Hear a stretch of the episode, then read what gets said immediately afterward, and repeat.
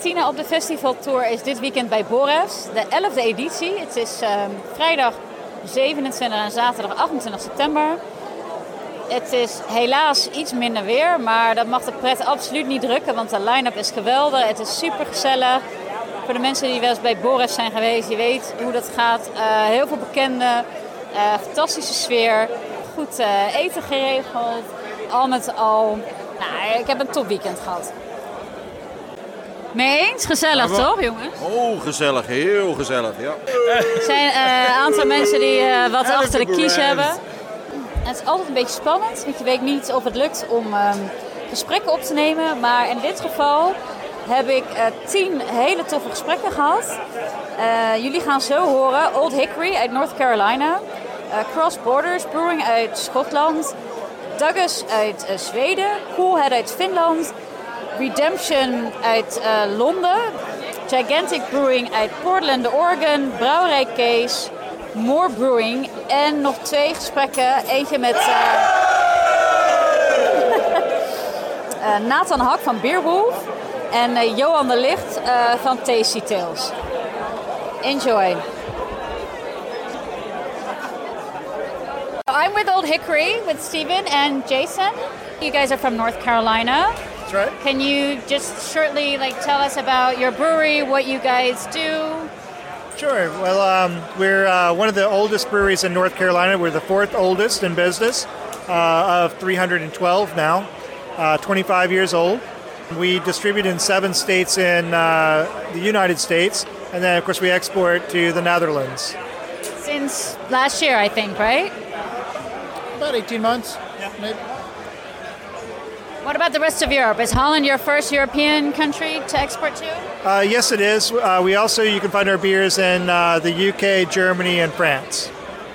So, what do you guys think of the Borefts Festival? For us, this is a huge thing. I think compared to what you guys have in the States, probably not that big. It's a it's a different system than what uh, festivals we attend in the United States. The United States, you typically pay, but you only get like one ounce samples of beer. Uh, but it's it's endless. The crowd here is, um, I think, uh, just as, or if not more, sophisticated. And They get more beer and they sit down and they drink it and think about it more. So, uh, thus far, of course, it's early in the day. It's a very well-behaved crowd I find the people very engaged. You know, and the knowledge is, is, is pretty deep. They've, they've studied the beers, they've read the list of what's available, so they come to the table already knowing what they want, and that's nice. And you guys arrived on Wednesday, I heard, so you did a collab did. before you came to Borefts. Do we get can, can we get like a scoop on what you guys did over there and which brewery you sure. Sure, go ahead, Stephen. Yeah, we brewed a um, an uh, India porter uh, with uh, Uiltje in uh, Haarlem. And um, that was a lot of fun hanging out with those guys and gals, and we bottled some beer, and uh, we had a great time. And the last time you were here, I remember you did a collab, I think, with Kees and Jopen, or De Molen and Jopen. That's right. Do you have them on tap today? Can we try them, or we, we, we, don't? Um, they're both of those are barrel aged beers, uh, and they are still in the barrel. So we have to wait for yeah. a while. When will they be ready? Probably in January, about a year. I'm excited to taste them. So are we. Which beer did you bring to the festival today? So Borefts, uh, for the Dutch people who, who haven't been to the festival before, every year they have a theme. This year it's uh, called Traditional. Yes. And I, it's about either bringing a traditional beer or using a local ingredient. What, which beer did you bring for the festival, or did you make for the festival? So the beer we brought um, and made is Cabin Fever and uh, it's a uh, traditional table beer that would have been brewed and served in uh, our part of the United States around the late 17th century, early 18th century. Um, it's made with a high percentage of corn, local corn, and uh, local sorghum. Uh, barley was scarce back then, uh, so they used what they had. And it's a 4% friendly table beer, just very few hops in it. It's actually a, a quite refreshing beer.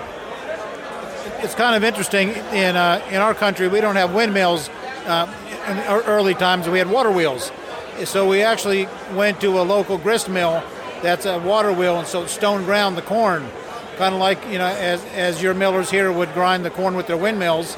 or the grains. We, we, we did that, but we did it on a water wheel. The, the, uh, the mill that we used uh, dates back to 1760.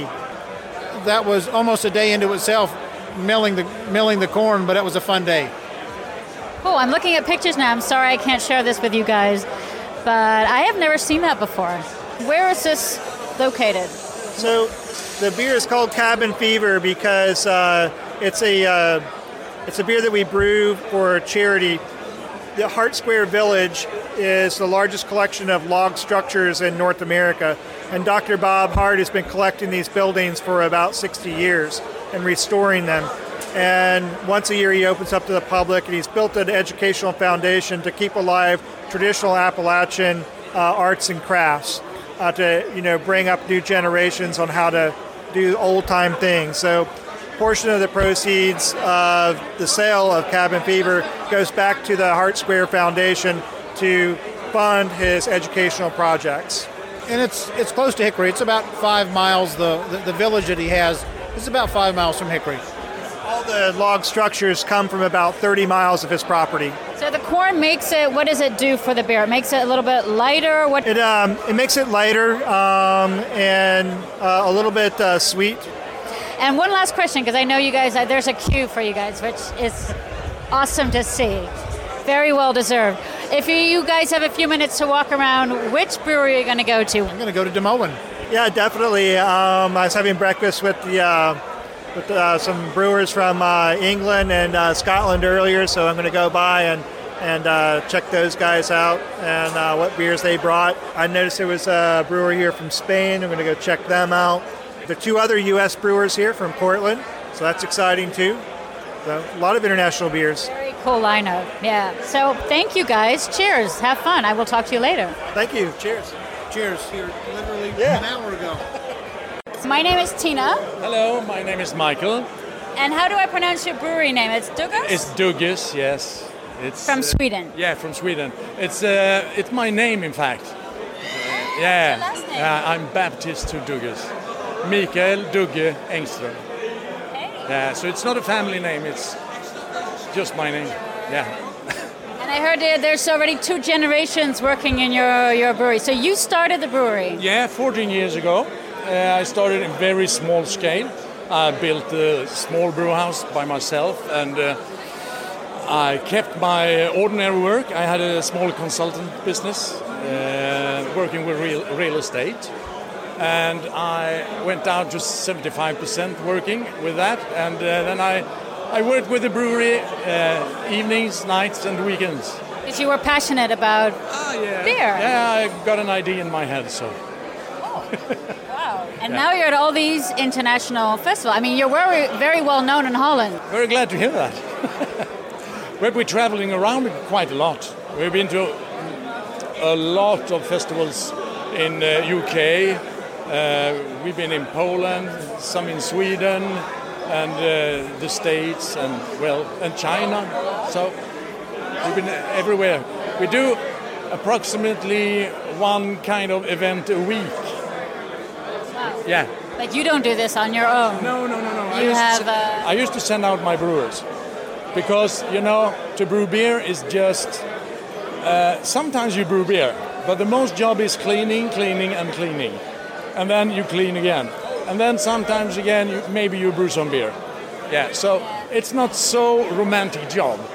So it's good for them, and it's nice to uh, travel, make collabs all around, and get, get new ideas for new beers and inspiration and things like that. So um, u- usually it- it's not me traveling around.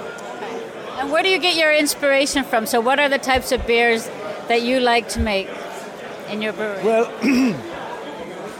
uh, in fact, it's it's not me deciding that because we are a team, and we got a lot of inspiration from, well, uh, the world around. But of course, there are some beers we like more than others, and I think we make fantastic sours and imperial stouts.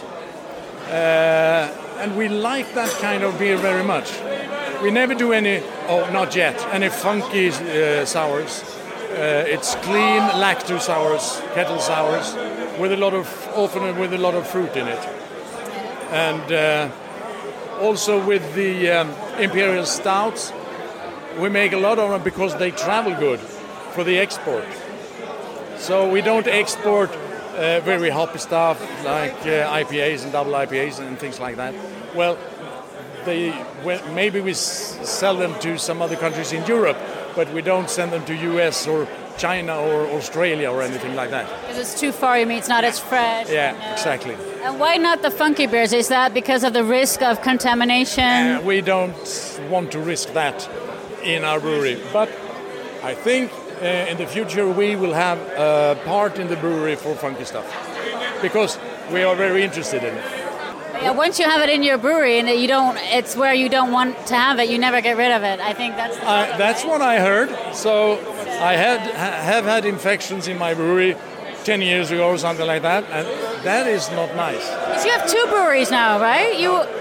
Oh, it's one brewery. Yeah, it's just one brewery. Maybe you, you think about my daughter's brewery. My daughter have a brewery too. It's called Electric Nurse, but it's very small.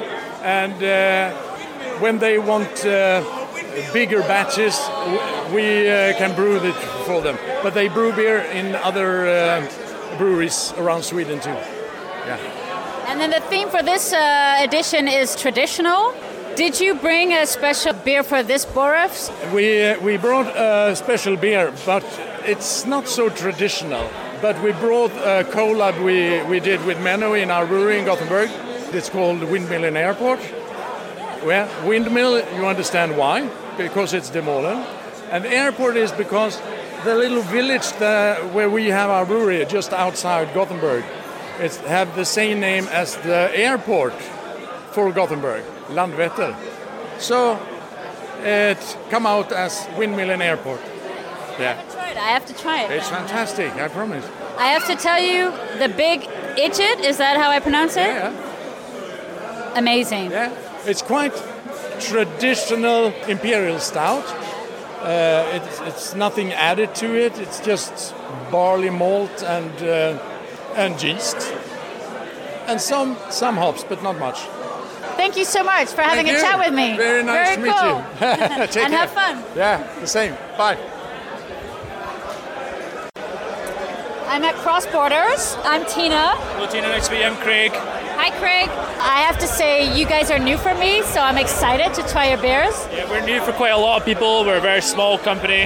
Um, we're only four employees based just outside of Edinburgh in Scotland, so never poured at a, a festival uh, internationally before. We've never come to another country, so this is very cool for us. So So, what do you think of uh? This is one of our biggest in Holland. it's an unbelievable setup. Um, it's incredibly welcoming. Everyone's been very friendly as well. Um, we arrived yesterday. We had all the help in the world setting up our bar, and we're invited to a wonderful dinner. I got to sample some incredible beers, and now we're pouring with some of the best breweries in the world. So everyone's been very kind. It's been a great experience so far. Yeah, so we're delighted. Yeah. Had you met De Molen before? Uh, so Johnny has some con- Johnny, our brewer, has some contacts from this brewery. So it was, um, I believe they wanted to come visit us before. Uh, we'd only brewed nine beers by that point, so we've just we've now brewed over about 210 beers. So um, it's been pretty good. But yeah, they, I think they've kept us in mind, but this was the time to do it. So we're three years old as a company, so it's very nice. So What I uh, just mentioned to you before we started recording is you guys are the funniest website. So I just want to tell everybody who's listening, Cross Borders, check out the website. It's hilarious. I loved it. that's really appreciated. Thank you so much. So Craig, what do you do at Cross Borders? So I'm in charge of sales, but um, as you can imagine, in a company of four people, I do sales. I do, I guess you could say, marketing as well. Um, social media is part of the job. I come to festivals and meet people. Um, but yeah, I do a lot of talking about what's great about cross borders. So yeah, I sell our beer and uh, I help people taste it. So yeah, it's great. And uh, I'm drinking the, the braw. I had to look up what that means. That's a Scottish word, right? Okay, yeah, braw is a Scottish word. Yeah, we, we- I figured that would come up this weekend a lot. Um, but braw is an adjective for good. So braw, you would describe something. You know, you'd say that's a that's a braw beer. So it means really good. So yeah, it's really enthusiastic. Yeah. We have wee braw as well. Um, it's also very Scottish. So yeah, um, it's one of the first beers we made, and we've been brewing a lot of it ever since. So yeah, great we could bring it along. this one is just spot on. Fantastic. Thank you so much. It's really nice to I really like it. Um, just another quick question: Cross borders. Where does the name come from? Okay, so these aren't my words, but um, Johnny and Gary used to be in a band together, and they had a song called Cross Borders. And what I mean by it's not my words is the song apparently wasn't very good, but the name was really good. They liked the name a lot, so they wanted to put it towards something useful. So they found they were a bit better making beer than making music. So Cross Borders is the name. So it's not a geography thing, but we also thought one day we would do something like we would cross borders, uh, like we did today, and we have done with some export beers. So yeah, comes from a bad song apparently. so we've turned into something better. So great. Which one is your Borefts beer?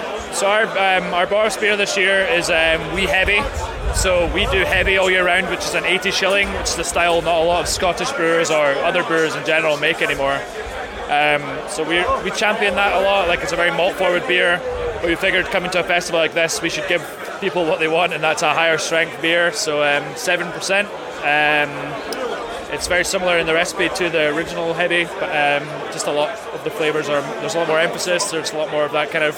There's a lot of raisin and um, toffee caramel, and it's quite a rich beer. So yeah, it's it's exciting. And we also brought a one-off, which is our oyster stout, made with Loch Fyne oysters, and that is. Um, Loch Fyne is in the west of Scotland, so it's quite unique and only exists at this weekend. So it's quite fun. Have any plans outside of Borefts? Are you going to do collabs? Do you have any other plans? love to, Yeah. The door is always open. Um, we've spoken to a few people this weekend that we'd love to work with, and a lot of brewers that actually inspired us to start the company. So we'd be um, we'd be open to just about anything really. If anyone ever wanted to work with us, and we'd, we'd take any excuse for a holiday if someone wanted to have us at their festival as well. So yeah, we'd be delighted. So yeah, I'd love to. Craig, thank you. Have fun. Thank you. Thanks really for having a chat it. with me. No Cheers. worries at all. Thank you. Enjoy your beer. Talk to you later. Thanks. Can I come and chat with you guys? Yeah, sure. Yeah? Definitely, yeah. Cool. So I'm with uh, Coolhead from Finland and Hopping Borders. Yep. The importer. How's it going today? Well, pretty good actually. Yeah, we can't complain. It was, uh, was a good day. Uh, poured a lot of beers, emptied uh, two 20 liter kegs of the passion fruit coconut mousse, which is obviously the most popular beer. And um, yeah, I think Claver is having a good time as well. So uh, Yeah? yeah. All right, let's go. Let's yeah, go let's ask get to him. Yeah, sure. How's it going? This is for Dutch Beer Radio. This is for the Dutch beer fans. Ah, hello. How are you guys? For the podcast. Very happy to be here in Holland. It was super nice to get a lot of good feedback from people here and talking directly. A a lot of our beers are selling very well, Yeah? very fast. People love my colorful cape here and my colorful t-shirt. I can. I always recognize you by that T-shirt. I think it matches my personality, so I have. And I, it's what I've been telling to people here. Why choose a color if you can have all of them? So what's uh, the beer that's the most popular today? Passion fruit coconut mousse. With that name, it's not a surprise that it's selling well. So you guys, uh, I have to say, I mean, I've seen you at several festivals, but you're the only Finnish brewery that I know. Yeah. So it, does that mean that the the craft beer scene in Finland is not uh, that evolved yet, or wh- what is what is going on in Finland? I think uh, it's a it's a thing of tradition. Uh, traditionally, the Finns have been more focused on the internal market. So they there is good beer in Finland for sure, but they just don't make effort to sell it outside. They are, in a way, is a is a kind of uh, short short term view. They don't really look into growing outside of Finland, and eventually that will mean that breweries from outside are gonna come and take their market. Uh, we decide to do the contrary. Like uh, before the other breweries come and take us, we go outside and we be prepared and we we be ready for them to come. We're gonna be able to offer proper competition. Awesome. Well, I have to say uh, you're doing a good job because I've seen you in many places. You are very well known Thank you. now. Yeah. So We are, we are really happy that people really enjoy our beers. We do what we can to make them interesting and good quality always. And um, the, the theme is traditional beers this year. Uh-huh. Um, which beer did you bring to Borefts, which signifies, let's say, the, the traditional Finnish style, or is there a local ingredient? Did you bring a special?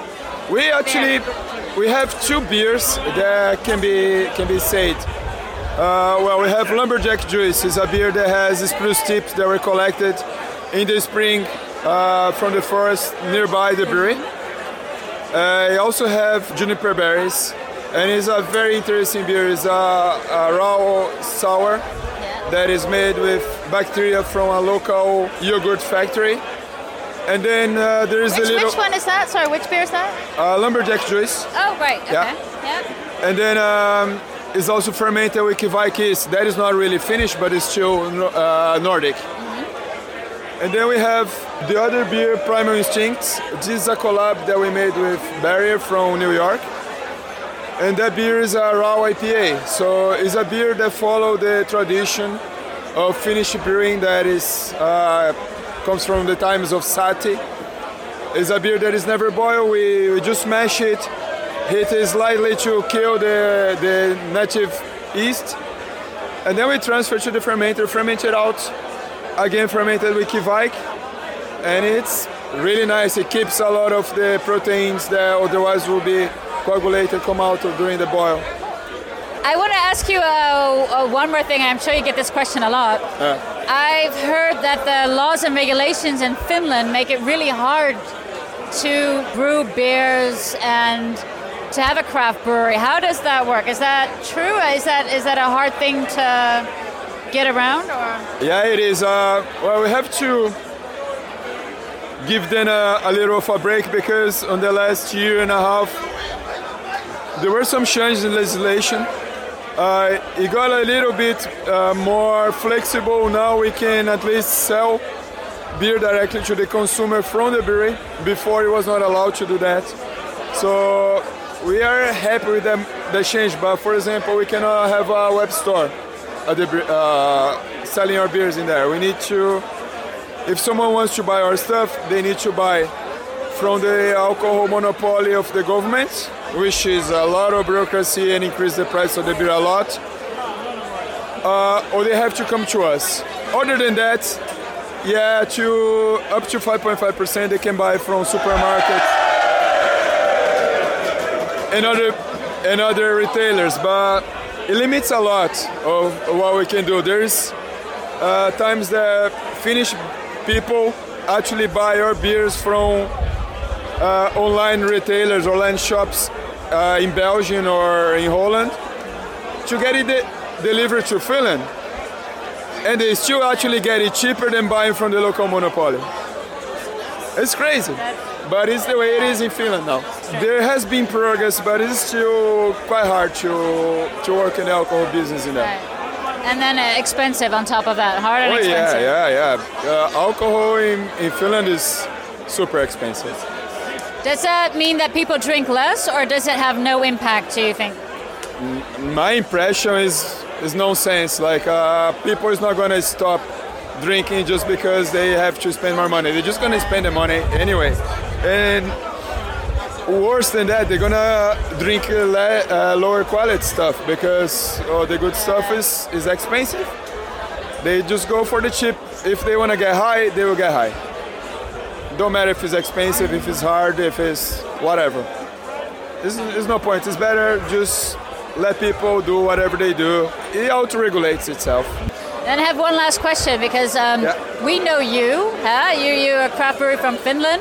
But what about the vice versa? In Finland, which Dutch breweries do you know or do you really enjoy? Well, there's not many actually reaching Finland yet.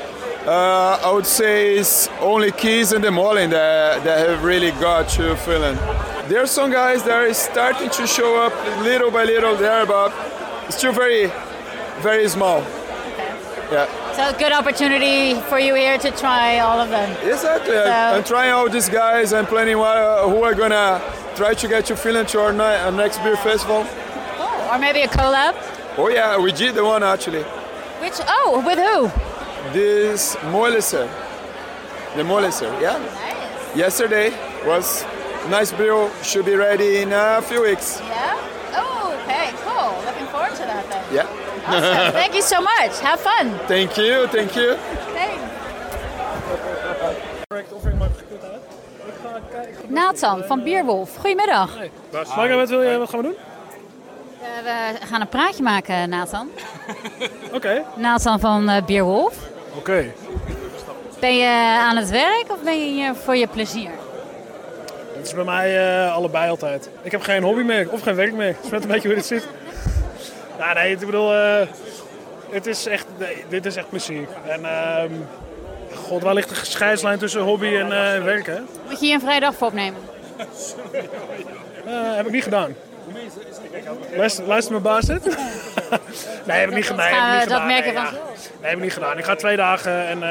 Gezellig, ik ga ook twee dagen. Tuurlijk, dat wist ik al. Nee, ja, wat, wat is werk, wat is... eh, dat zeg ik. Bij mij is het, eh, gaat het zo echt door elkaar en het is alleen maar leuk.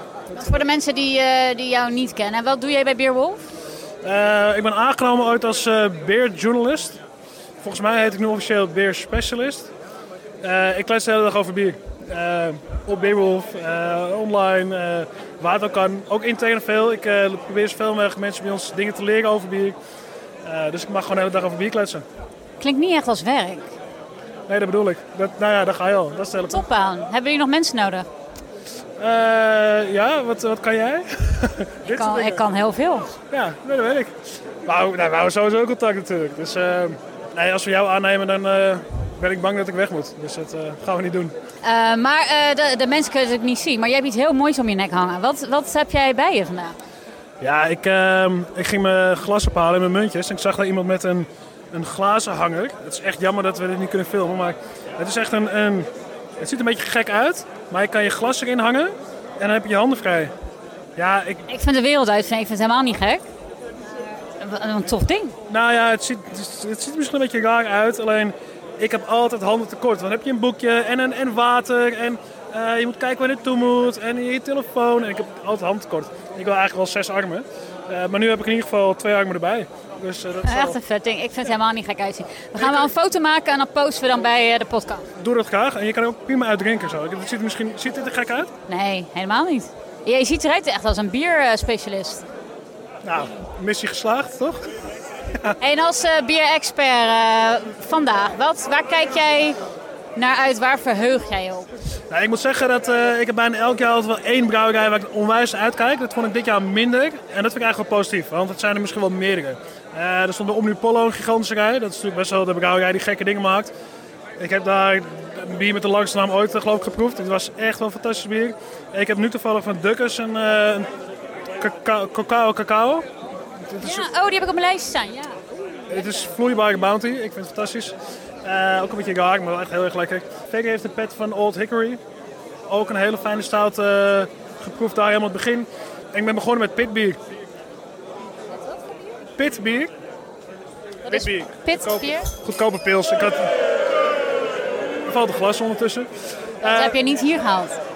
Nee, nee, ik had een soort weddenschap afspraak met iemand. Dat als hij pitbier bij zich gaat op dit festival, zou ik hem inchecken met vijf sterren. Dat heb ik gedaan. Eh, heel ander uitstel, laat ik het zo zeggen. Nee, maar ik moet zeggen dat, eh, nogmaals, er is geen... Ik- Voor mij is het niet één die eruit steekt. Er zijn meerdere die eruit steken. En eh, waar ik ook wel heel benieuwd naar ben, is een brouwerij uit, uit Roemenië, uit Polen, uit echt obscure brouwerij waar ik echt nog nooit heb gehoord. Vind ik wel leuk om te ontdekken. Obscuur voor ons, maar ze zijn daar niet obscuur meer. Ja, dat weet jij, hè? Ik Ja, niet. want Hop Hooligans stond ook bij Van Mol en die doen het echt zeer goed. Stonden die ook bij Vermol? Ja, dat- ik had daar... eh, heb ik volgens mij geen eens iets van geproefd. Dat we- Ja, we zijn nog niet bij Vermol. Het was een heel mooi festival ook. Nee, maar dan moet je dat zeker doen, want het is echt eh gave brouwerij. Ja, ik moet dan natuurlijk mijn huiswerk doen eh, voordat ik eh, daar naartoe ga. Ik wil niet uit mijn nek gaan kletsen op zo'n podcast. Nee, misschien hebben we jou echt heel hard nodig ook. nee, het is, eh, dat zeg ik. ik, eh, ik het is elk jaar genieten gewoon met borrels vind ik altijd. Het is, is zoveel te ontdekken. Vorig jaar hadden we een aantal eh, Braziliaanse brouwerijen. Die zijn er nu niet. Maar de- voor dit plaats zijn weer hele andere mooie teruggekomen. Herfst staat er weer. Vond ik ook altijd echt fantastische dingen maken. Dus ik ben blij dat ik twee dagen mag. Dus dat ik niet... ja, anders dan was ik aan het haasten nu. En dan, zelf Vind ik ook hoor, dat is veel relaxed. Dit vind ik ook lekker. Kan je proosten met dat ding om, want dan... Tuurlijk. Cheers, veel plezier. Jij ook? Proost. Hi, I'm Tina, by the way. I'm Andy. Hi, Andy. Hi, Tina. So I'm with uh, Redemption at the Borefts um, Beer Festival. It's Saturday, and I'm drinking an amazing cask ale that you brought. Um, love it. Hopspur, it's called. Can you tell us a little bit about your brewery and the beers you brought here, and maybe some more about your cask ale? Yeah, so we've been brewing since 2010. Um, back when, in, in those days, London had become a bit of a desert for breweries. And of course, London had a, a going back a real reputation for brewing. Um, and so we started back in 2010 along with a few other breweries, and now it's about 130 in, in London. So we've been part of this brewing renaissance in London. Um, our focus has always been very much cask ale. Um, being a British brewery, that's kind of obviously part of the culture of drinking. So uh, we brew a lot of uh, lower ABV beers, uh, sessionable. The thing about a cask is once it's opened, really you have to drink it within about three days. So if you want someone to drink a, a 40 litre cask in three days, you usually want it to be a bit more sessionable.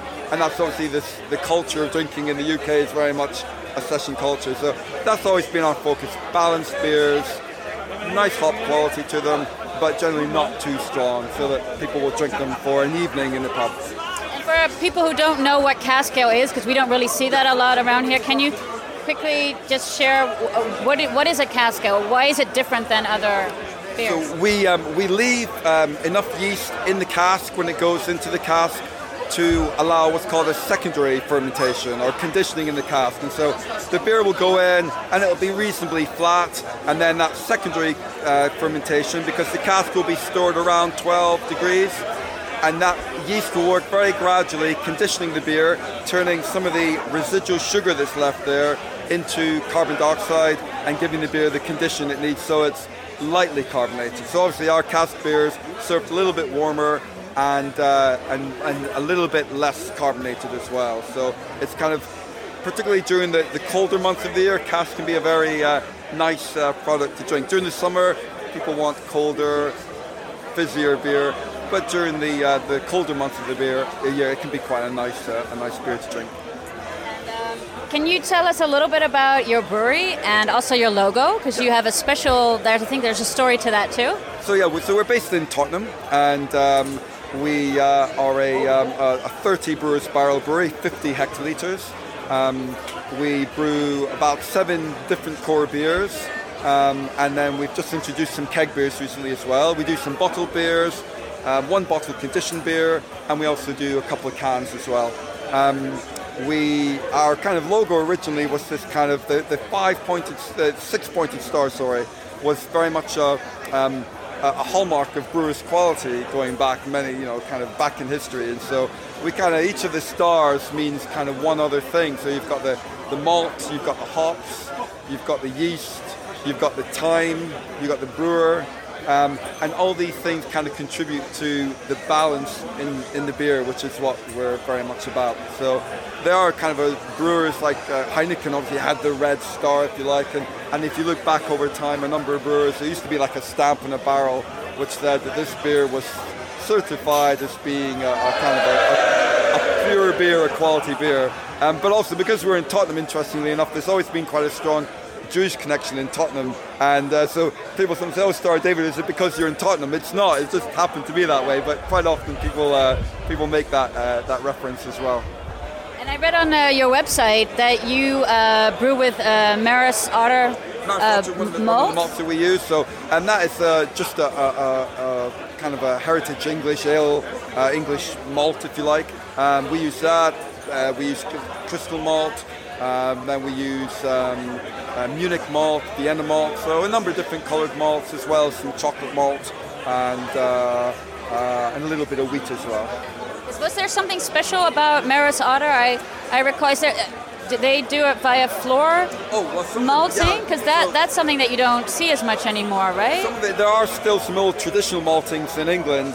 They may do um, malting in the big tanks, but some of them will also do it on the floor as well, um, just to preserve, I think, some of that um, that history and tradition.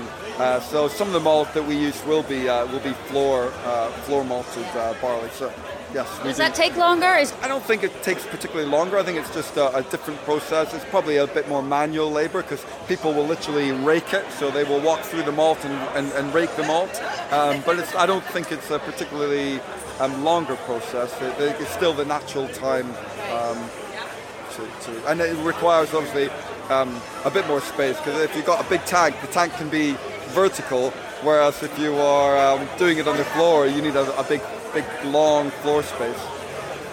and are you a brewer? Sorry, I didn't ask you. What what is your role with the? And my wife and I started uh, Redemption back in uh, 2009, and so for the first kind of six months, I kind of did everything really, and then and now we've got kind of people that do kind of specifically brewing. I think as you as the business develops, you kind of I do stuff like cleaning the toilets now and doing all the other stuff, and let the other guys do the do the brewing. So yeah, There's no got- time for that anymore. The other guys get to do the fun stuff, you know. I do the, the stuff that no one else wants to do. And is this your? Um, do you do a lot of uh, festivals abroad? Is this your first one in Holland? This is our first one in Holland, yeah. Um, and funnily enough, like not long after we opened, Menno uh, from uh, Borefts came over and visited us in our old brewery. Uh, so, so yeah, we've um, you know it's great to finally get invited here and be part of it. The only other international festival we've done has been the Villaggio one in, uh, in Tuscany, which is a, another great festival, similar to Borefts. It's a really friendly family place where people just enjoying beer and enjoying being amongst beer lovers. And are there breweries here? Because uh, I know if you hopefully you get to walk around, and maybe you already did that yesterday. Breweries here that you don't know that are new for you, or surprises that you came across. Yeah, yeah. I mean, I just had uh, just had a college from the gigantic guys over in uh, from Portland, um, and you know we've experienced some fantastic beer from some of the um, the Hungarian guys, uh, uh, Mombo, who were uh, around the corner. So uh, yeah, some great great brewing, and I met Kees uh, not that long ago. He was over in London, so had to got to try some of his beers as well. So they, these are great opportunities. Well, he's your neighbor, so great spot. You're next to next door to each other. You can exchange beer. Yeah. Thank you so much for talking to me. Thank you very much. Have fun Thanks. today. Cheers. Thank you very Thank much. you. Thank you. I'm at Gigantic Brewing here with Van. You're one of the founders. Is that yes, correct? That's true. Yeah. Cheers. Cheers. You want to say hi to Dutch Beer Radio? Hi from Louis from Brewery Alvinne. And uh, I'm super excited that you guys are here. You guys are from Portland. Yes, that's true. Thank you. And uh, I've been tasting your beers, and now I just got the Most Most Stout. I'm excited to try that. Most most premium. Must say like Russian. Is it Russian Imperial Stout? Yeah, it's, it's most most a- premium like Russian. Strong like bear. I, I wonder if that after I drink it, I'm going to start talking like that. We're, go- we're going Yeah, to find it's, out. It's true. we have many Russians in East Portland, so we make beer for them. Most most premium. So Tell us a bit about uh, your brewery, about Gigantic, uh, your philosophy, and what you guys do, what you brew. So we're a relatively small brewery in beautiful Southeast Portland, Oregon. Uh, we started in 2012. We're a couple. Uh, we're old guys, right? No, no, no. I'm an old guy. Um, I've been brewing for 25 years, and my partner had been brewing for about a decade when we started. Our head brewer's got 20 years in the industry. I mean, we're old guys, right? So, brewing philosophy, we really try to do the best we can. The old joke is we're just trying to kick it in the nuts every day.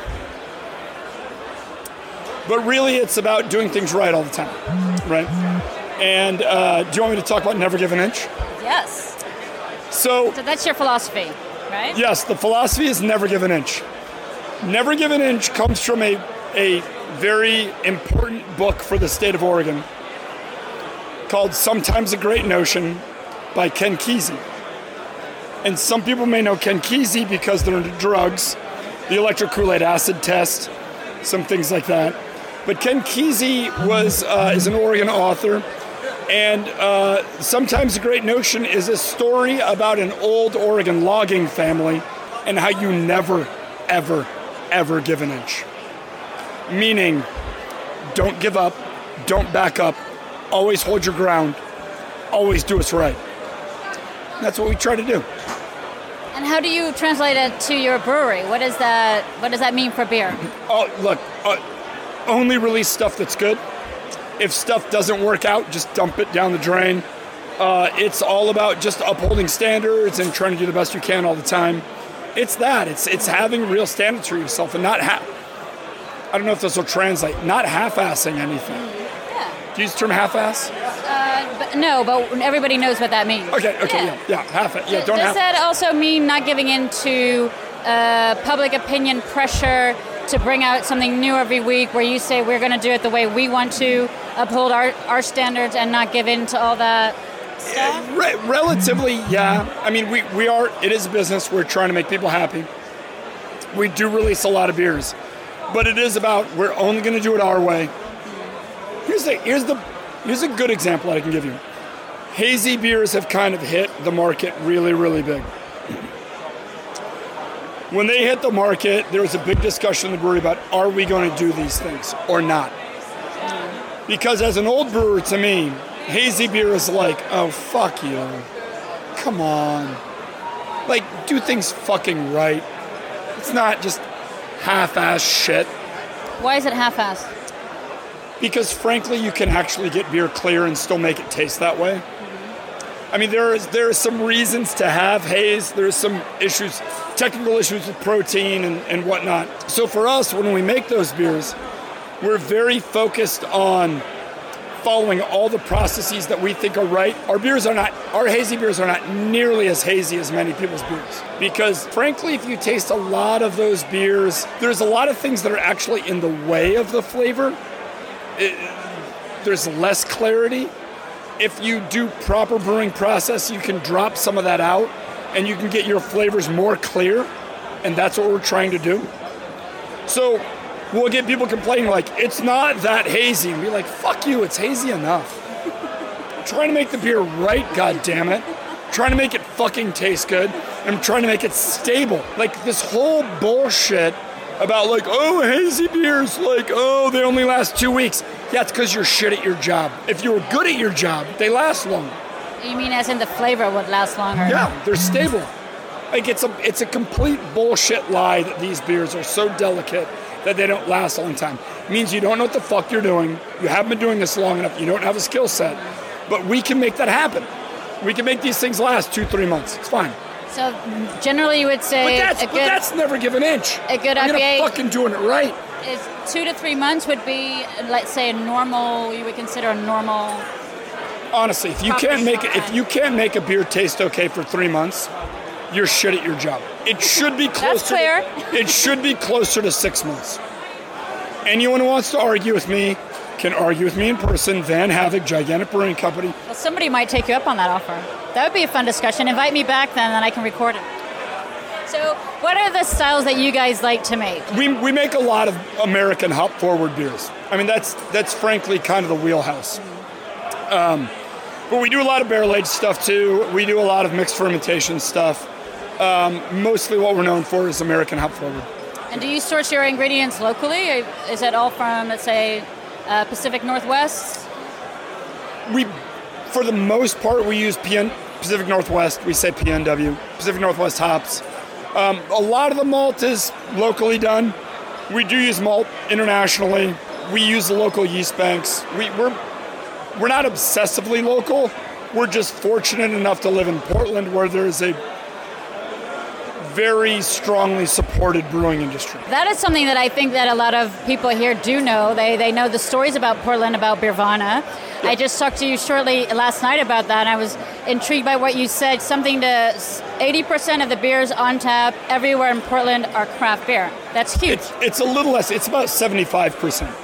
About about of, of draft beer, about 75 percent is uh, craft. About 70 percent of that is made in Oregon. Uh, it's, it's difficult to explain Oregon in terms of the beer uh, culture for people who haven't been there. People tend to not believe it. People tend to be from other places who think, "Oh my God, our beer culture is blowing up. It's incredible. It's everywhere." And then they come to Portland and they kind of look around and be like, "Oh shit." Um, okay, I had no idea. The thing about Portland is if I say to a friend of mine, hey, let's go out and get a beer, the implication is that we will be drinking craft. No one drinks large domestic in Portland. It doesn't happen. We don't even say craft beer. We don't use that term. We don't use the term. We just say beer. it's implied that it's going to be made in Oregon local. I like to say we won. In, in Portland, we won. We defeated the big brewers. We won. We are victorious. We're just beer. They're, they're not getting their foot in the door there. No, no, no, no, really. Come, come to Portland and try to find Budweiser on tap. Very, very difficult. Incredibly difficult. So is there a festival you could recommend for people who want to visit Portland and experience the craft beer scene? Oregon Brewers Festival, the last full weekend in July every year. Um, it's 72 breweries. Uh, it's a big open festival on the waterfront. It never rains in July. It's always nice. And then you can go drink beer down at the waterfront. And then there's you can go visit breweries. Portland's not a very big city. It's easy to get around. It's great. And one last question. I know that our beer scene does not compare to what you just described, so I'm, I'm curious what you think of this festival and, and did anything strike you so far about the Dutch beer scene? I've been familiar with the Dutch beer scene for three or four years now. Strange, well, maybe not strangely, but Oregon Brewers Festival, the guy who organizes it, invited Dutch brewers over maybe four or five years ago. So I have a lot of friends here now. So I've been coming over to the Netherlands a few times, and um, the beer scene here is honestly really great. It's exploded, um, and there's some really great breweries here. And uh, I think everyone's really receptive. My biggest issue, problem with the Dutch beer scene is everyone's problem with the Dutch beer scene which is you have a very small number of breweries who own most of the bars, or you know we call it tied houses. And so it's difficult for all your small breweries to get on tap a lot of places. It hurts me. It feels bad. I wish that uh, all the Dutch breweries could get on tap everywhere. The most most were out, I think. You didn't have Yeah, any if, extra, no, we don't have any more. That's too bad. I hope my friends kept some for me. We just ran out of most most premium Russian Imperial stuff. Uh, it's terrible. Good job. And that's been these past hours, or Yeah, well, since yesterday. Yeah, yeah, yeah. But yeah, yeah, the Dutch beer scene's great. Honestly, I really mean that. There's some really great breweries here. are you going to do any collabs while you're here? We were originally going to do something with Uiltje. Uh, Robert's really cool, and I like those guys, but uh, it didn't work out. Hopefully next time. I hope you come back. No, I'll be. We'll be back for sure. We have a bunch of friends here and stuff, and, and the Netherlands is cool. We like it. Yeah. Thank you so much. Yeah. Have a great time today Wait, and get the tonight. clink. Cheers. Oh. Thank you. Ik sta met Johan van eh, Tasty Tales. Tasty Tales, vertel daar iets meer over voor de mensen die Tasty Tales nog niet kennen. Wat, wat doen jullie? Tasty Tales. Nou, we zijn begonnen met wijngaarden in Nederland. ehm, en toen in België te gaan filmen. Maar dat is een hele kleine niche-markt. Dus toen hebben we besloten om ook meer over bier te gaan, eh, films te gaan maken. En dat is eh, ja, als hobby begonnen en ondertussen uitgegroeid tot iets meer dan dat. En begint een beetje uit de hand te lopen. En noem eens wat voorbeelden van films van brouwerijen die jullie nu hebben gedaan. Waar zijn jullie allemaal geweest? Nou, we zijn begonnen bij kleinere brouwerijen om, in de buurt. We komen uit Utrecht. Dus we zijn begonnen met eh, Brouwerij Maximus en bij Oudaan en bij eh, Van der Streek. En langzaam het cirkeltje uitgebreid. En eh, ja, zo bij andere brouwerijen terecht te komen in Rotterdam, Brouwerij Noord, eh, in Amsterdam, Brouwerij Het Ei. Een van de best lopende video's die we gemaakt hebben. En toen kwam er eh, belangstelling uit België. Dus dit jaar zijn we bij Brouwerij Boon geweest en bij de Halve Maan in Brugge. En eh, de Brabanderen, bekend van eh, Petrus, eh Sour Ales. En van de week werd ik gebeld door Brouwerij Het Anker uit Mechelen, die eh, wellicht interesse hadden om iets te gaan doen. Dus we worden nu echt benaderd, dus dat is leuk. Wat eh, zijn dat voor filmpjes? Ja, het is echt het verhaal achter de brouwerij. Dus niet zozeer, het gaat niet zozeer over de bieren of over eh, de techniek.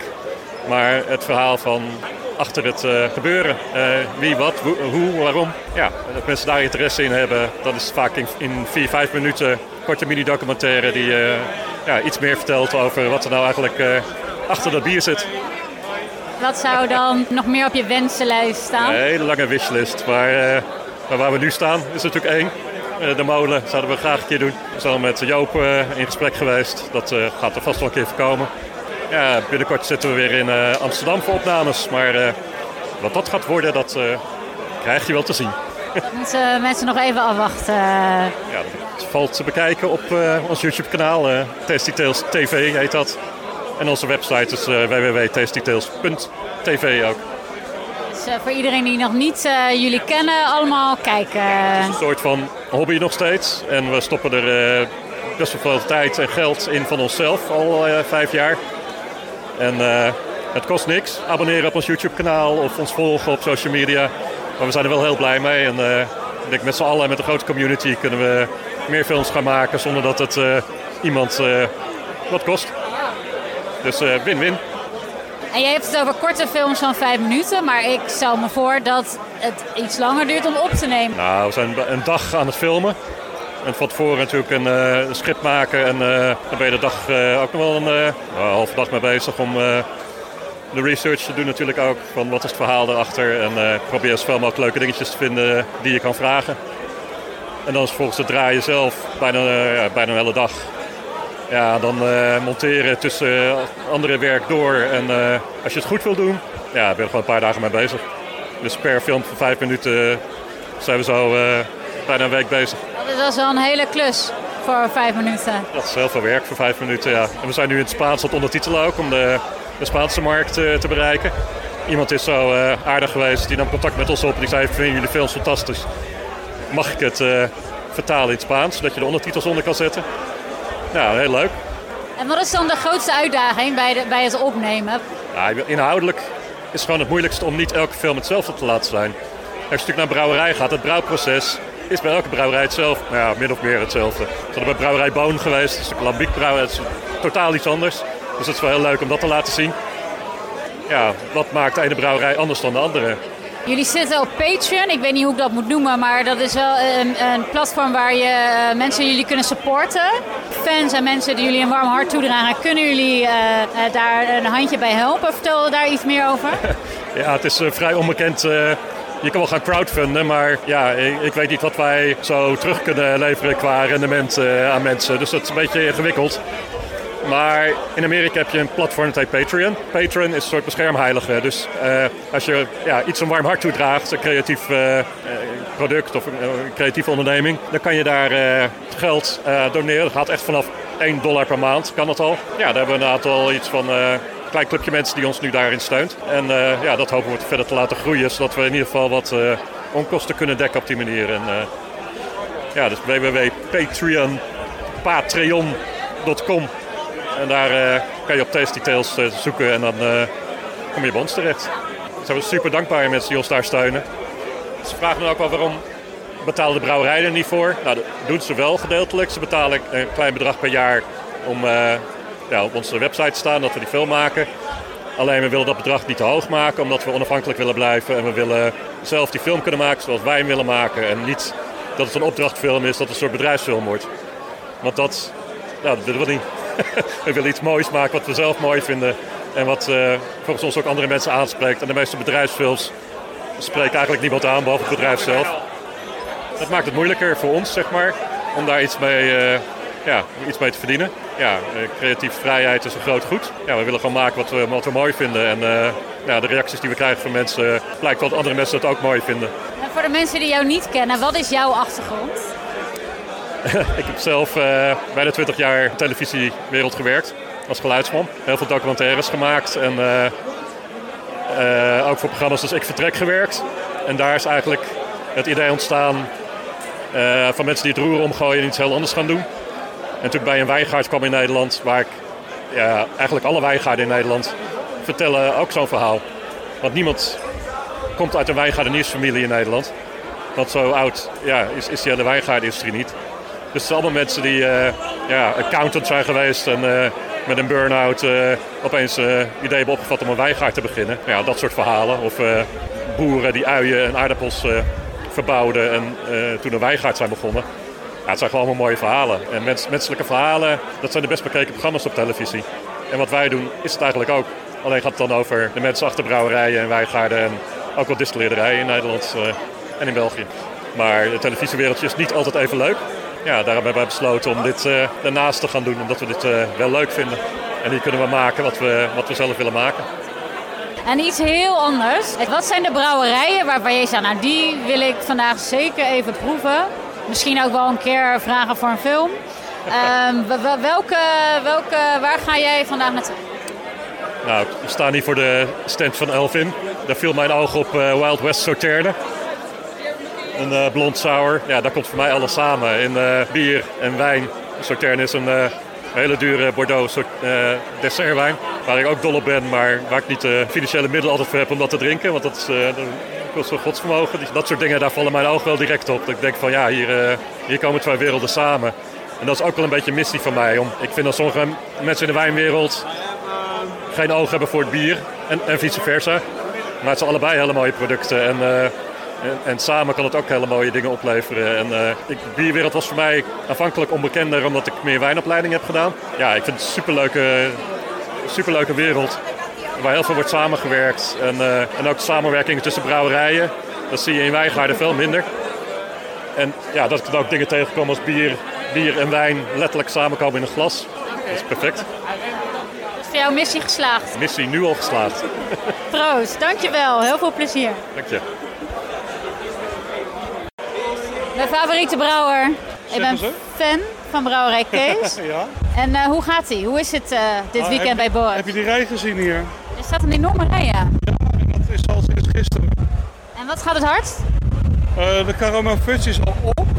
Wat we de milkshake IPA hebben volgens mij al zes of zeven fusten erheen gejaagd. Ja, staan aan de wind. En Oh ja. hij Hij houdt niet van wind, hij houdt niet van mij. Nou, het is, eh, de, de, de wind vangt hij soms wel eens op. Oké. Zeg nog één keer, de? De Indian Summer Double Bock die we hebben gebarrel aged op Speyside whisky barrels. Want het thema is traditional. En wat, eh, wat is de link met het Boris thema? Of vond hij dat gewoon leuk? Een bok. Het is september. Of, eh, ja, het is eind september, begin oktober. Dan, begin, je- dan krijg je de bok, dus we hebben de bok. Maar ja, wij de gewone bok vinden wij gewoon... Ja, is wel leuk, maar voor Boris moet hij wel een beetje speciaal zijn. Dus daarom hebben we hem gebarrel aged. Ik heb hem nog niet geprobeerd, dus je moet nog even Ah, proberen zo. dan moet je dat proberen, ja. Ik eh, zag ook dat jullie een collab met een van de eh, deelnemers van het festival hebben gedaan deze week. Klopt dat? Eh, twee. We hebben een collab gedaan met Hair of the Dog. En we hebben een collab gedaan met North Brewing. En we hebben op tap een collab met Seven Islands Brew. Uit Griekenland. Uit Griekenland, ja. En ik ben hier al bezig eigenlijk al eh, bodempjes aan het leggen voor een, eh, een aantal collabs eh, met Zweedse brouwerijen. Mogen wij weten welke dat zijn? Nee, Of is dat nog geheim? Een beetje, ik wil nog een beetje stilhouden. En de collabs van deze week, mogen we weten wat jullie gemaakt hebben? We hebben met Hair of the Dog hebben een, eh, een, een gemaakt. Die barleywijn die gaat twee jaar op vaten. Dus eer dat bier op de markt is, dan zijn we al twee jaar verder. Het is eh, een versie van Matt. Want hij maakt eh, eigenlijk verschillende bieren die hij eh, dedicated heeft aan, aan, aan, aan, vrienden van hem. En een van zijn vrienden is Matt. En daar hebben wij een, het recept van gebrouwen. Dat doet hij bij meerdere brouwers. Hè. Dan brouwt hij dan dat recept. En dan moet dit twee jaar op water liggen. En met Noord Brewing hebben we een, een, eh, Imperial Stout gebrouwen. Het wordt een pastry stout met eh, pistachio en honing. Wat doet pistachio in bier? Wat, wat, eh, wat voor effect heeft dat? Is Ja. het alleen smaak of ook... Wel een beetje, ja, een beetje baklava, die smaak moet je een beetje voorstellen. En hoe, wat doe je met die pistachenoten? Gooi je ze er gewoon zo in of is het Ja, eh dat pistache komt- puree? Ja, dat komt pas veel later, ja. Nee, het komt pas helemaal aan het eind. Is eh, niet meegebrouwen. De honing zit er al wel in. Die hebben we in de Whirlpool meegedaan, dat vond ik gevaarlijk. Ja, honing is een natuurproduct en eh, ondanks die hoge suikers kan er toch wel iets van beestjes in zitten. Ja, en micro-organismen wil je natuurlijk niet in bier hebben. De wilde wil- micro-organismen wil je niet in een, eh, gecontroleerd in je bier hebben, zeg maar. Wij, wij doen geen wilde bier, hè, dus, dus dat hebben we dan in de Whirlpool gedaan om dat, dat te voorkomen. En dan de noten komen later. Heb je kans gehad om eh, rond te lopen op het festival? Zitten er voor jou verrassingen bij? Of, mij eh, heb je mij twee keer zien lopen en dat is eh, twee van de drie keer dat ik heel kort even een rondje heb gelopen. Want ik heb het, ja, we hebben het gewoon ontzettend druk. We zijn met z'n drieën. Ja, Kees is eh, in principe ook woordvoerder. Dus ja, er komen eh, mensen van andere brouwerijen. Er komen importeurs, exporteurs, mensen uit de bierwereld. Die willen allemaal een praatje maken met, met Kees. Dus ja, eigenlijk sta ik met, eh, met mijn maat staan we eigenlijk keihard te tappen de hele tijd. Maar je hebt wel dus eens, eh, kunnen proeven. Ik heb wel wat geproefd. En zit er iets bij waarvan je zegt, nou, die, dat heeft me verrast? Of, ehm, Ik, John zijn bier van de molen. John heeft een, een, een bier gemaakt met coconut. En die heeft hij zelf geroosterd. Ik meen dat het nummer 18 is op het bord van de molen. Dat is een heel mooi bier. Ja, en ik heb natuurlijk heel veel andere mooie bier gedronken, maar kan ik, eh dan kan, kan ik wel stoppen. Die, die, die, stoombier van eh Head of the Dog heeft een stenen, stenen fermentor. Vind ik ook heel bijzonder. Stenen fermentors kom je niet zomaar tegen. Hè. Bijna iedereen gebruikt net als hier metalen fermentors. Hij heeft één eh, een eh, concrete fermentor. en wat gebeurt er als je dat daarin eh, fermenteert? Wat doet dat met het bier? Eh, ja, het maakt je bier ietsje zachter. Het, het, het maakt het bier wordt iets anders van smaak. Dat komt omdat het in het beton, eh, beton doet Ja. iets met eh, het bier. Ja, het is ook heel apart. Eh, het ziet eruit als een soort ei. Een heel groot ei. En ja, het, het is gewoon anders. Ik heb hem nog niet geproefd, dus dan moet ik eigenlijk zo meteen even langs gaan. ja, ja, ja, ja, ja. En komen die volgend jaar weer terug? Eh, ja, wij zijn een beetje familie van, eh van het Borders Festival. Dus ik denk wel dat we hier volgend jaar weer staan. Hoe vaak eh, hebben jullie hier gestaan tot nu toe? Met Brouwerij Kees. Bij Boref? Ja. Brouwerij Kees heeft hier altijd gestaan. Daarvoor heeft Brouwerij Emelisse met Kees hier altijd gestaan. Je hebt geen enkel jaar overgeslagen. Nee, dat klopt. Er zijn twee andere brouwerijen die daar ook bij horen, bij diezelfde groep. Ik ken er één, Alvinne. Is dat Nerken de tweede? Goed gedaan. Ja, dat, dat, dat, dat kan je gewoon eh, raden, eigenlijk. Ja. Ja, dit is pas mijn derde keer, dus ik ben nog niet zo'n uitgediende. Maar... Ja. En eh, zijn er nog ehm, leuke nieuwtjes vanuit Brouwerij Kees die je met eh Bierradio mag delen? Dingen die eraan komen? dingen die er aankomen, die allemaal nieuw zijn, die staan eigenlijk hier op tap. Behalve dan de ijsbocht komt natuurlijk niet op blik, want dat is maar een heel, heel kleine hoeveelheid. Die worden gewoon niet opgetapt. En de frappéhout wordt ook niet op blik, want dat is ook een hele kleine hoeveelheid. We hebben gewoon een eh, basisstout, eh 75 liter op hout gelegd. En dat in laten trekken en dat is het, meer is er niet. Wat betekent frappé? Is dat een, type hout? Dat is een eh, zacht soort eh, Afrikaans hard hout. En in het Nederlands heet dat fraké. Voor mij noemen ze het in Afrika fra, freak of fraak. Ik weet niet precies hoe ze het uitspreken. Amerika noemen ze het eh, Corina en in Engeland noemen ze het limbo hout. Dus het heeft nogal veel namen, dat type hout. Dus een heel diep, een beetje rokerige eh, geur geeft het af. Dus heel lekker. Ik heb het net geproefd, maar het is inderdaad heerlijk. Ja. Cool. Hey, dankjewel. Proost. dat je even tijd voor mij vrij wilde maken. Oké, ik ga gauw Cheers. Succes.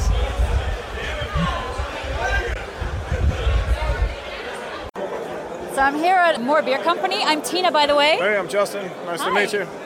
Um, so you are the founder, am I correct? That's correct, yeah. So I'm, I'm very curious about your brewery. This is for yeah, Dutch Beer Radio, so for the Dutch beer audience. And uh, I think your brewery is, is one that we don't know that well. So it'd be great if you could tell me a little bit more about that. And uh, I, of course, want to know how, because you're from California, right? Yeah. How a guy from California ended up in the UK. Okay. Right, so I don't speak uh, Dutch, so sorry for that. You'll have to put up with a Californian English accent. Um, so we're called Moor Beer because we used to be in the Levels and Moors area of Somerset, which is uh, Moor is kind of like a swamp area. And originally there was a brewery that was founded there that had shut. I found out about it uh, and basically restarted it in uh, 2007. Were you brewing previously? You were brewing I in the uh, USA? So I, was, I learned to homebrew in the USA, and I was going to do professional brewing there, and was, was advised by someone that uh, it was better to save my own money and open my own brewery as opposed to just being a brewer. Um, I'm not sure there's much wisdom in it, but hey, it was, uh, yeah, because brewers don't earn any money. Is that still the case, or is that, that just yeah, like that, that's the case unless uh, one of the globals comes and buys you for 80 million. Don't think that's on the cards. We're too small and, and too not necessarily a bad deal, but So we do things our own way. We're 100% independent. We don't have any investors, which is nice because then we can brew exactly what we want to do, and that's all we do. So we brew uh, what we call modern real ales and lagers. Uh, we will develop a sour program, but more like traditional mixed fermentation type stuff in our facility in London. So we moved out of the Moors area of Somerset about five years ago into central Bristol. So we're based in Bristol now, and then we've got a tap room in London as well where we do all of our barrel aging. Uh, the philosophy of the brewery is very much, um, I think, a little bit unique because I'm from California originally, and I learned to brew during the uh, the mid 90s, which was basically the whole hop revolution and IPAs and all that. So I love really flavor forward beers, but also kind of in balance. So brewery's been going for, for 12 years in the UK, and when I first started brewing there, like our level of hopping was considered beyond extreme and pretty undrinkable, which is kind of ironic now because our beers are considered pretty tame on the hopping scale. Uh, and then, so we bring from the California side, like one part of our philosophy is a lot of flavor. For, uh, I lived in Germany for a couple of years where I learned about uh, what the Germans call Naturtrüb or naturally hazy beers, uh, still like with the, the yeast in them. And I always found it gave more flavor and body and also gave you a better head and stomach the next day. So that was a philosophy we incorporate, which was also very different to what the British were doing. So we were the first to be what we coined the term unfined because in Britain they use finings, which are isinglass. That's uh, fish guts to clarify the beer. Uh, we don't do that, so we don't filter, we don't use finings. It makes the beer vegan friendly. Uh, I am vegan, so thank you for that. Oh, well, there you go. So that's another thing that we were kind of breaking the rules with. So 12 years ago, we were brewing beers that were considered rarely extreme. Um, we couldn't sell hazy beer. It was really tough in the beginning. Of course, now these things are commonplace. It's, it's great. And then the third, so uh, we've got basically the Californian influence, the German influence, and also heavily on the lager side. And then uh, the third part of the influence that we have is the British side, real ale. So I love British pubs and real ale, which is why I moved to England. And everything that we do has a natural fermentation. We don't force carbonate anything. It's all real ale. We had to fight with CAMRA to get everything certified, but even our cans, all our cans are can conditioned. Uh, all, sorry, all of our ales are all natural, 100% re-fermented. Is it in, in, in steel or in wood? Because I, I learned yesterday that there's two ways to do it. So we do most of our beer, well, all of our beer does a primary fermentation in steel, and some of our beers will do uh, a maturation in wood. So it depends what we want to achieve with the beer, but mostly it's stainless that we do. Um, so we get then we have these three influences of German naturally hazy, American a lot of flavor, and British balanced, drinkable, sessionable, and re-fermented, and we bring those together. So it kind of gives us, uh, I'd say, a unique perspective and a unique, a unique flavor profile. How was that received in the UK when you started doing this? It was really, really hard. We did struggle, particularly locally, because our brewery is in an area with a lot of cider. And so getting the locals who had been drinking the same stuff for like hundreds of years to try and switch was very difficult. But the beers were really well regarded internationally, so we actually export quite a lot, hence the fact we're here. Uh, we export a lot to the EU and around the world. And uh, now it's gotten to the point where the UK is sort of used to what we're doing, so we can we can do okay now. Do you locally source the, your ingredients, or do you get a lot of your hops, for example, from these states? Where does it come from? So we use mostly British malt for our beers. British malt is absolutely fantastic, best in the world for making ales. Uh, for sure, the, the, maritime climate that we've got just gives really uh, plump kernels with a lot of rich, round flavor.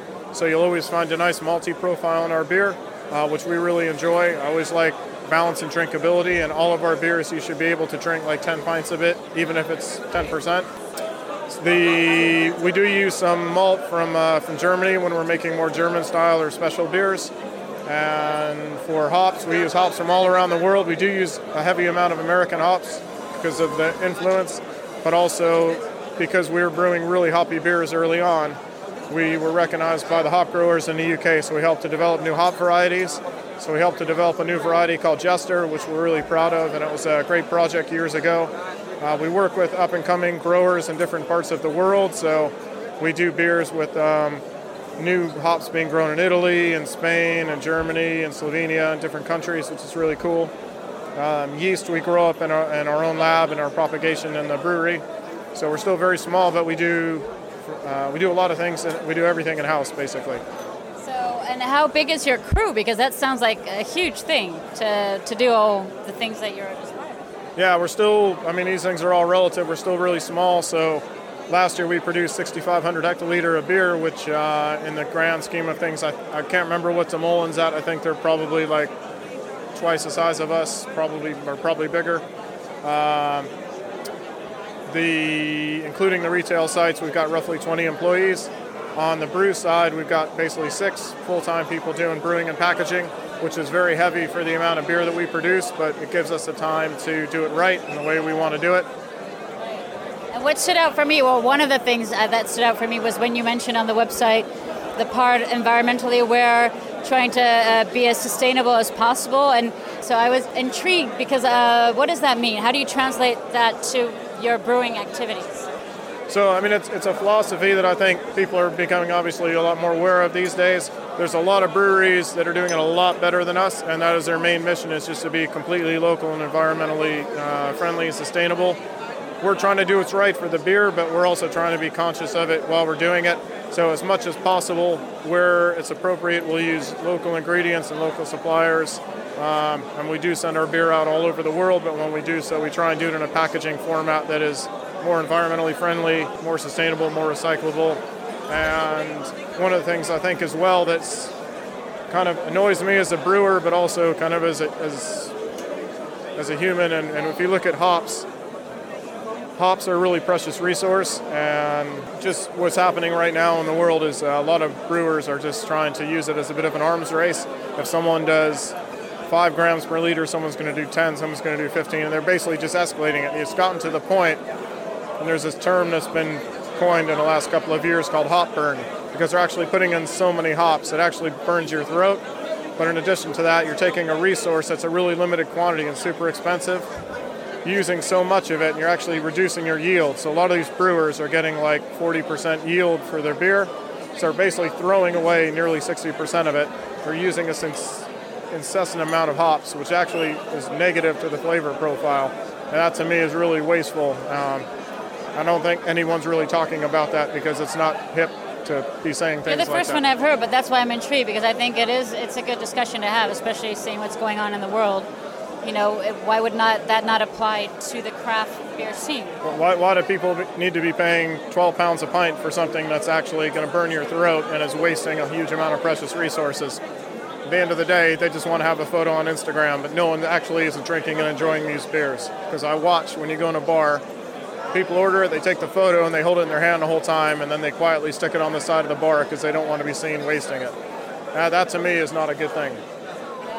And I think that's also why you're seeing a lot of people now going back to drinking really well-made lagers, uh, really well-made bitters. I mean, they're they're fantastic beers and proper IPAs. And is that something that the pressure that I've heard people talk about that how they sometimes feel under pressure to come out with a new beer each week because that's what the consumer wants? Is that um, something you recognize? Yeah, absolutely. From a commercial perspective, uh, right now, basically, the entire world has like ADHD, and uh, it's all about the new beer, the new beer, the new beer. But at the same time, when people walk into a pub, they also want something that they know and they trust and they like. So I think uh, it's important to have core brands. Um, there's things we love brewing, there's things we love drinking, and it's also fun as for us as brewers to play and come up with new beers and the consumers want them. So there needs, like everything in life, there needs to be a balance. We went from a world where 10 years ago there wasn't a lot of choice in beer, and now there's almost too much choice. So somewhere the pendulum needs to get back to the middle. Um, you lost your dog. I did. Just give Uh, me two seconds. Yeah, yeah, yeah, go. Uh, he, he went off on an adventure, or is it a she? He. Hi. What's Yeah. uh, what's his name? His name's Baz. He's the uh, he's the, the head of the brewery. Very cute. Oh my god, you are adorable. Yeah, he's, he's, he's, a, he's a man of few words. But if you have cheese, he'll love you for life. One more question, because Yeah. there's a queue, and I don't want to keep you too long. But is this your first Dutch beer festival? Uh, it's the first Dutch beer festival, not the first time we've had our beer in the Netherlands. Sorry. no, no, go ahead. Yeah, so we've done events in a few places around the Netherlands last year. So yeah, it's pretty cool. I mean, I love I love traveling around Europe. I moved over here because this is the way of life that I like, and uh, it's really nice to be able to go to see different countries and different cultures. So. I'm- I'm curious what you think uh, from your perspective. You know, brewing in the UK, what you think of the Dutch beer scene. I mean, I started traveling here as a consumer in the late 90s, and for sure back then there was basically only Heineken, from what I remember, Heineken, Atai, and um, La Trappe, and that's basically all you could get. It's gone again. It's gone completely the other way. I very much, and I think a lot of the brewers that I talk to really want drinkable beers. And so when I go to some places, uh, it's great to see some extreme experimental stuff. But I would just request that people continue to brew a nice drinkable beer alongside it, so you can have a small amount of something that's interest, interesting, and then a large quantity of something that's super amazing and drinkable. So we've brewed beers with Kees before. He makes some great sessionable beers. He also makes some stuff that's way out there. I mean, I'd say the same thing with De Molen. They got a huge range of beers. Everyone loves and respects them for how long they've been doing it, and they, you know, they actually manage to get uh, a good amount of drinkability in beers that most people consider extreme. But they also have really kind of balanced, drinkable sessionable beers as well. So it's good stuff to see. Which one did you brew with Kees? Was that the just in case? That's it. Yeah. of course. I'm sorry. This is just now that I'm talking to you. It's just starting to. I, I didn't put two and two together. Sorry.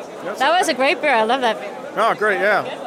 And that was, I mean, Kees and I talked, and you know, basically it was, let's brew something that's, you know, that's a bit fun, but really still super drinkable. So we just did a classic, uh, you know, double IPA.